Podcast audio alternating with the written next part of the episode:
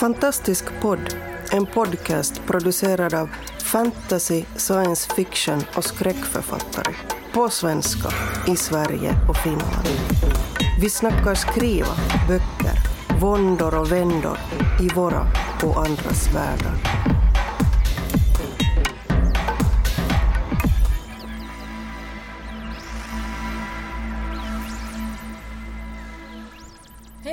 Varmt välkomna tillbaka till Fantastisk podd. Idag är det Malmögruppen som eh, pratar. Jag heter Nena Ormes och med mig har jag Karin Tidbeck.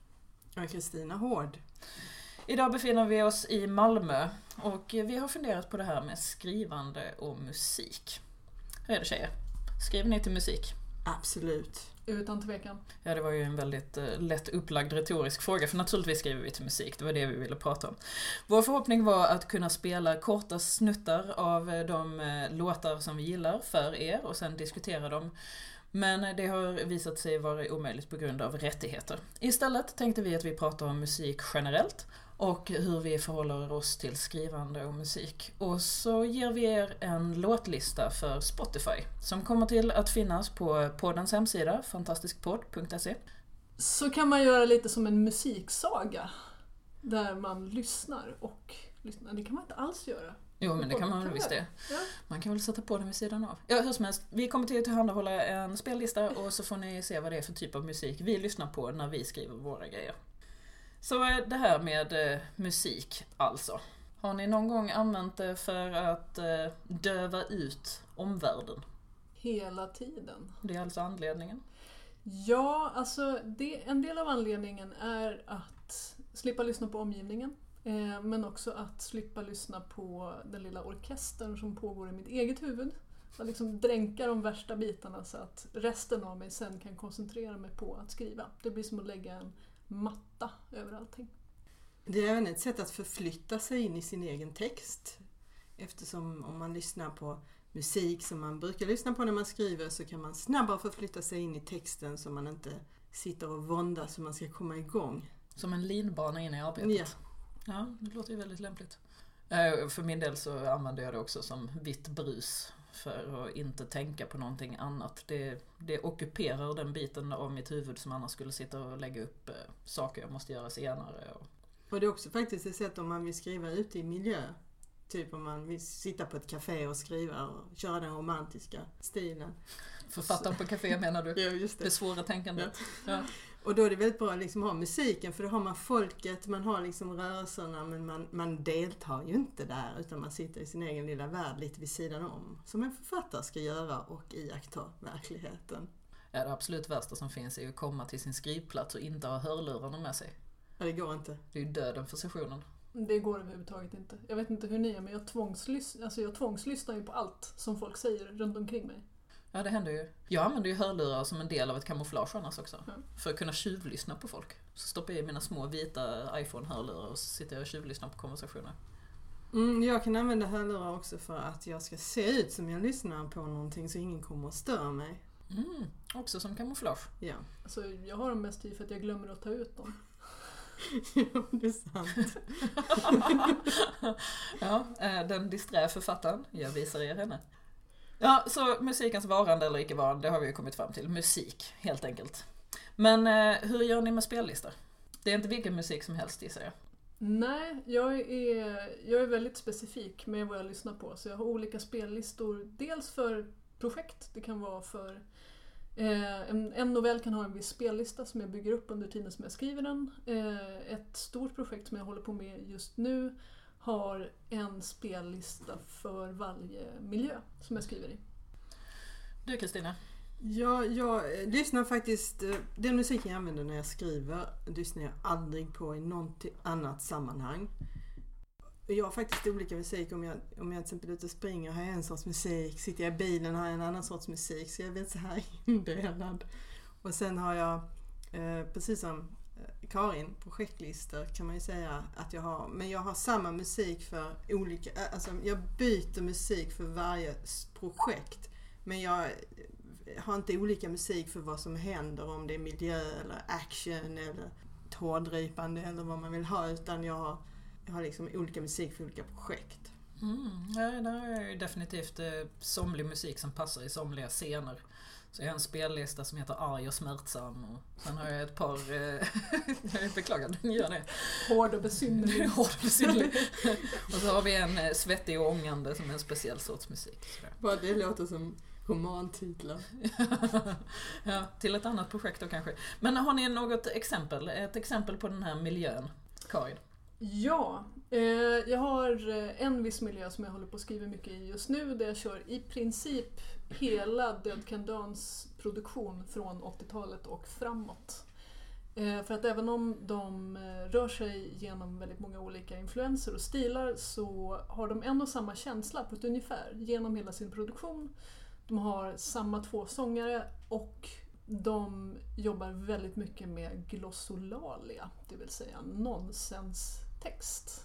Ja, det är fantastiskt. Ja, och då slipper jag lyssna på vad det är folk sjunger, utan jag kan bara lyssna på musiken. Och sen så är den ju så, den är ju så extremt inlyssnad för mig, jag har ju lyssnat på dem alltid. Eh, Så jag kan bara ha den som en bakgrundsstämningsgivare. Ja, Jag kan faktiskt inte komma på något tillfälle då jag skrivit som var före jag lyssnade på Dead Can Dance heller. Det är ett magiskt band. Du Kristina, från ditt senaste projekt, har du någon låt? Ja, ehm, nu när jag skriver uppföljaren på Kleptomania så lyssnar jag eh, en hel del på Sigur Rós. Och det har jag förstått att du också gör, Mm. Nene. För att det är bra musik att skriva till. Det är både stämning och jag tror att det är rätt skönt om man lär sig de här slingorna som Karin säger, man blir inlyssnad på det. Så hjärnan, hjärnan kan det nästan i förväg till slut. Och det, är liksom, det är bra för skrivandet. Sigur Rós är för mig helt nytt. Typ hört dem i ett halvår, max. Såg dem på en konsert och började lyssna på dem sen. Så att den följer med en viss känslostämning när jag lyssnar på musiken men den är bara positiv. Och så är det just att det, de har vissa skivor, vissa låtar i alla fall. En skiva. Jag tror att det är vissa skivor som de har just det här sitt eget språk. Ja. Hopelandic eller vad de kallar det. Som är, eftersom det inte ens är isländska som jag ändå inte hade kunnat så behöver jag verkligen inte koncentrera mig på språket utan det är bara så ljudvågor som väller över mig. Det är en väldigt skön generell lista, där har jag Sigur Rós. Fast jag kan inte säga att jag koncentrerar mig på isländska när jag hör den utan jag fattar ingenting så det blir rätt mycket liksom nonsensspråk.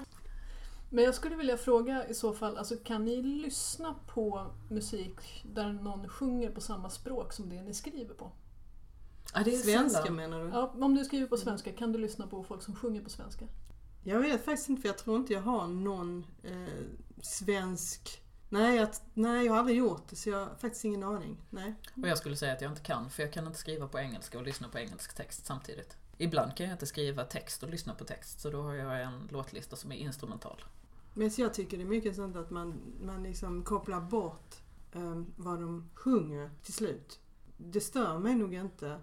Eh, men jag har ingen svensk artist som jag direkt känner att jag skulle kunna lyssna på. Men det kanske finns, jag menar det kommer kanske. Men jag, Men de få ord på isländska jag faktiskt kan märker jag ju när de är med i, i Sigur Rós texter.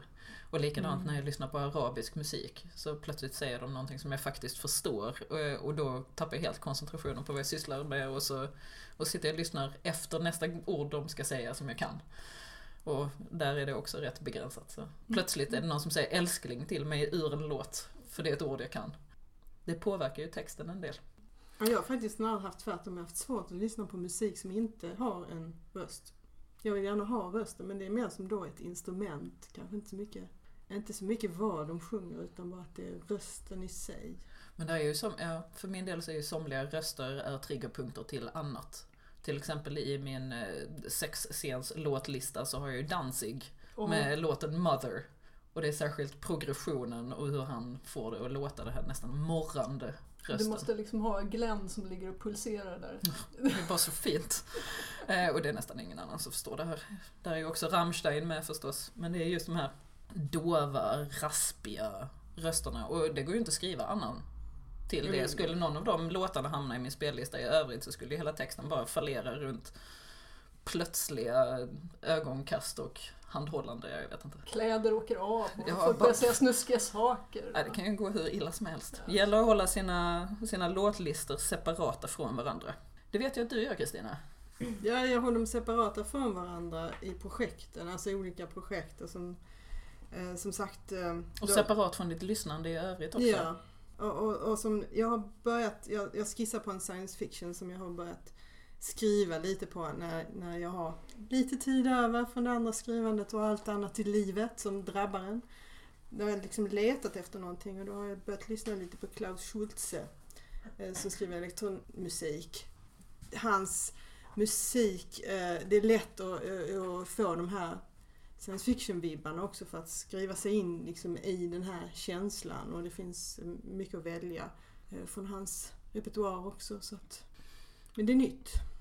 Har ni någon gång valt bort en låt ur era spellistor för att ni vill kunna lyssna på den separat från skrivandet? Ja, faktiskt. Eh, eller mest, nu har det mest varit så att jag av misstag har plockat in favoritlåtar i skrivandet och sen har de blivit förstörda för mig. Och det är jättetråkigt. Eh, jag, har, jag, har, jag har en problem med Fever Ray just nu. eller jag skrev, eh, när jag skrev Amatka så hade jag tre stycken skivor som jag lyssnade på hela tiden. Det var dels Fever Rays första platta, det är väl den som har kommit, Fever Ray. Och filmmusiken till Konstantin. Och eh, Ulvers platta Lyckantropen som är en slags elektronika. Eh, men problemet för mig med Fever Ray var att jag började älska den där skivan så mycket eh, att jag ville lyssna på den privat. Men så fort jag lyssnade på den privat sen så blev jag så jävla deppig därför att Amatka är ju inte särskilt roligt. Det lät som liksom. nej. Nej, så allting blev liksom grått och vemodigt och jag fick helt fel feeling av att lyssna på den. Så att Tack så mycket, mig själv. Tack så mycket före detta Karin. Ja. ja. för min del så är det Florence and the Machine. Som du har jag, förstört den? Nej, som jag medvetet låtit ja. bli att lägga in i någon av mina spellistor. För jag vill kunna lyssna på Florence and the Machine för min egen skull. Mm. Utan att tänka på skrivandet. Men eftersom jag, kör, eh, jag sätter upp ny musik för varje projekt. Så det, det projekten som är klara liksom, där det släpper ju musiken där känns. Så då får jag ju lyssna på den sen. Det är bara så länge jag skriver som jag inte får lyssna på den annars.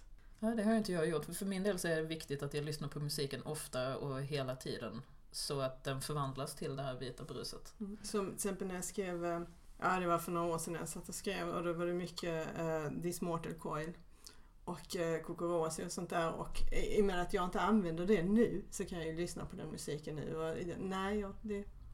Får du inte flashes av vad du skrev då och hur det var att vara Kristina då? Inte, nej, faktiskt inte. Jag lyssnar nog på ett annat sätt när jag inte skriver. För när jag skriver så, så kopplar jag nog, alltså, kopplar bort lite musiken. Utan det som du säger, den finns där som ett vitt brus. Men det är först liksom efteråt jag kan börja lyssna på texten. Och sen är det så att när jag lyssnar på en text på en, på, på en låt och jag liksom verkligen lär mig texten. Då kan jag tycka den är riktigt förbrukad ibland.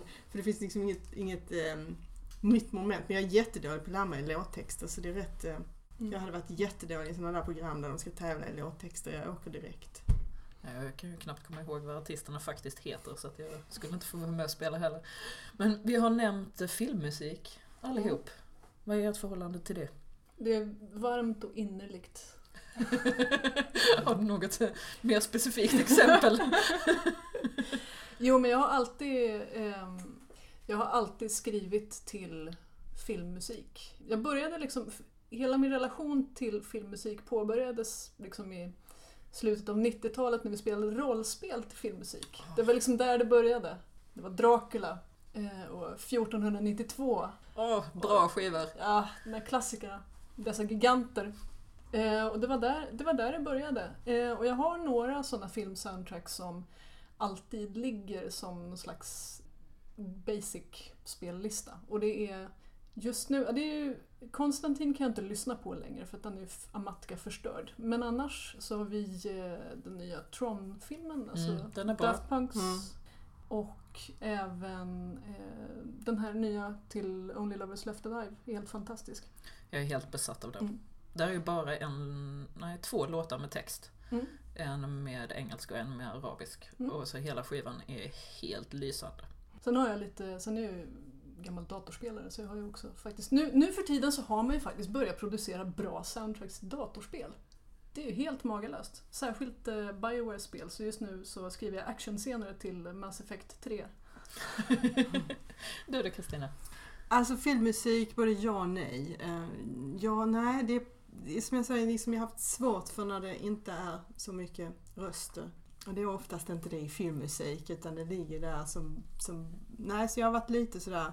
Jag kommer ihåg att jag försökte skriva till Kyanis Skatsi och som är mer liksom sådana nästan suggestiva och sånt där och så. Men eh, jag fastnar inte för det utan, utan jag vill nog ha lite... Jag vet inte, jag brukar ibland mer göra listor där, jag, där det inte är ett sjok av samma utan jag byter artist och eh, vilken sorts låtar det är så jag får, får en variation. Så att det är i så fall vissa delar av filmmusiken. Skulle ni kunna tänka er att ha låtlistor i era böcker? Eller Ja, publicera dem offentligt så, det här är musiken som hör till den här boken.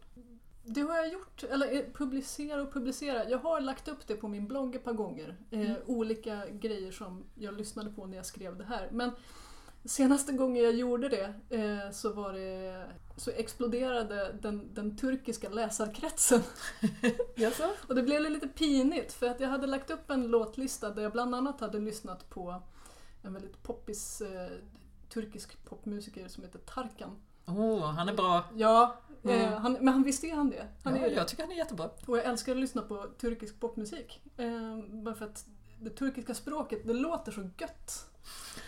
eh, det, det, har, det, det ligger så vackert i örat. Men så får jag höra sen av turkiska läsare att de är såhär, vad fan, vad är det här för människa? Som lyssnar på Tarkan. Som lyssnar på Tarkan och då säger men vad, lyssna på Tarkan? Och då verkar det lite som att det är för dem med att jag erkänner att jag typ skriver mörka grejer till, jag vet inte, Dansband. Ja, eller Robin. Fast nej, ingen skugga över Robin. Hon är jättebra. Mm. Eh, men över någon annan så här halvpinsam manlig artist med, med sug i blicken. Liksom. Huh. Ja. Fast det är skillnad, alltså det är skillnad om, som du säger, publicera i boken eller om man lägger ut det på en blogg. Mm. ja, För att det är liksom de som... det ena är beständigt, det andra är tillfälligt. Ja. och de som söker sig till bloggen de har kanske ett annat intresse i ens författarskap eh, och sådär. Så de kanske det på, men att lägga det i en bok vet jag inte. Nej, För jag har sett flera böcker som har låtlistor längre bak. Där har ju musik bitvis spelat en roll i boken också. Och jag är väldigt lockad av tanken på att det finns ett soundtrack till boken på samma sätt som det finns ett soundtrack till en film. Och när jag var liten så lyssnade jag mycket på eh, blandband medan jag läste. Eh, på tal om pinsamheter, Mr Music blandband. Medans, ja, ja, ja, bara Färdig blandband alltså. Färdigköpta blandband. Jo, det är jo. helt sant. Ja, jag vet. Ni hör ju. Jag kan ju inte ens komma ihåg vad artisterna heter. Och när jag har hört den musiken nu senare, när den har fått eh, fullständigt oväntad revival, så kan jag plötsligt drabbas av små textkänslor. Scener och minnen från böcker som jag helt hade glömt bort att jag hade läst. Och plötsligt så står man där i en sån här dramatisk scen från en bok som man inte kommer ihåg titeln på. Och så känns det precis som man, när man låg i sängen på sitt flickrum och läste den. Och jag förstår inte varför. Och då är det någon som spelar någon Mr Music-låt någonstans. Ja, det där, det där. Jag får fortfarande ångestsvettningar om jag hör så gamla Sisters of Mercy B-sidor. För jag lyssnade på ett sånt blandband när jag läste Sami Lundvalls översättning av Odjurets torn, alltså H.P. Lovecraft. Ja men se, och är inte det där en känsla man skulle vilja påtvinga någon vid något tillfälle? Fast, fast jag, jag, jag har faktiskt lite, lite andra hållet. Att jag vet att de har lyssnat på en text och samtidigt gjort någonting. Alltså någonting med händerna, alltså något konstnärligt som inte kräver alltså samma tankarbete som att läsa men så har jag lyssnat samtidigt. Så är den texten för evigt liksom fast i mig, kan vara fast i ett klädesplagg. Så jag lyssnade till exempel på War of the Worlds, den här gamla utsändningen när jag sydde om min jacka. Och den jackan var ju liksom bara War of the Worldsen. Och det var, det var allt den jackan representerade. Så jag, jag kan liksom fastna för, om jag hör text, så kan, jag fast, kan det liksom sätta sig i objekt som jag hållit på med. Men nu har vi ju bekänt ett par stycken så här guilty pleasure-grejer i Tarkan och jag måste ju säga alltså de där mixbanden var ju faktiskt inte alls dåliga. Hur är det för dig Kristina? Har du något jag, skämmigt i jag- musiklådan? Alltså jag får väl bekänna, eh, och jag vet inte hur skämmigt det är, men eh, när jag var på slutmanusnivå med Kleptomania, jag fick bakläxa så jag skulle skriva om en hel del grejer och det var väldigt lite tid för att eh, manuset skulle gå till tryckning och för att det då skulle hinna tillbaka i tid till den planerade releasen så var liksom, du har en vecka på dig. Och jag satt natt och dag, jag menar jag, typ jag satt så här i 24 timmar och sen sov jag några och sen satt jag 24 timmar till. Och för att jag överhuvudtaget skulle orka så lyssnade jag nonstop på I See Fire med Ed Sheeran. Och det blockade ut precis allting. Jag känner att jag vill bara tillägga här till mitt försvar att Tarkan är bara pinsamt i Turkiet. Ja, ja precis, jag håller ju helt med. Men nu är kanske han blir pinsam här också. Nu när du har liksom... Så har du något svenskt pinsamt då? Jag tycker inte Ed Sheeran är pinsam i sig utan det var snarare det att jag liksom bara fastnade så på en grej hela tiden. För jag ville åt en känsla som jag hade sett i en film precis. Mm. Men annars tycker jag han, han är rätt okej som artist, alltså det är inte så. Men jag tror inte jag skulle kunna skriva till honom annars. Har jag något svenskt pinsamt? Nej, jag, jag ångrar ingenting. Ja, jag för min del kan ju rickrolla mig själv ifall jag har riktig otur. Jag gillade nämligen Rick Astley när jag var liten. Ja, ja jag säger det högt. Eh, och eh, Never gonna give you up kan eh, hända att den poppar upp i huvudet på mig för att riktigt döva ut allting annat jag sysslar med. Och nu blev det så att vi närmar oss slutet på den här podcasten så det känns ju som om vi har rickrollat alla våra lyssnare nu då.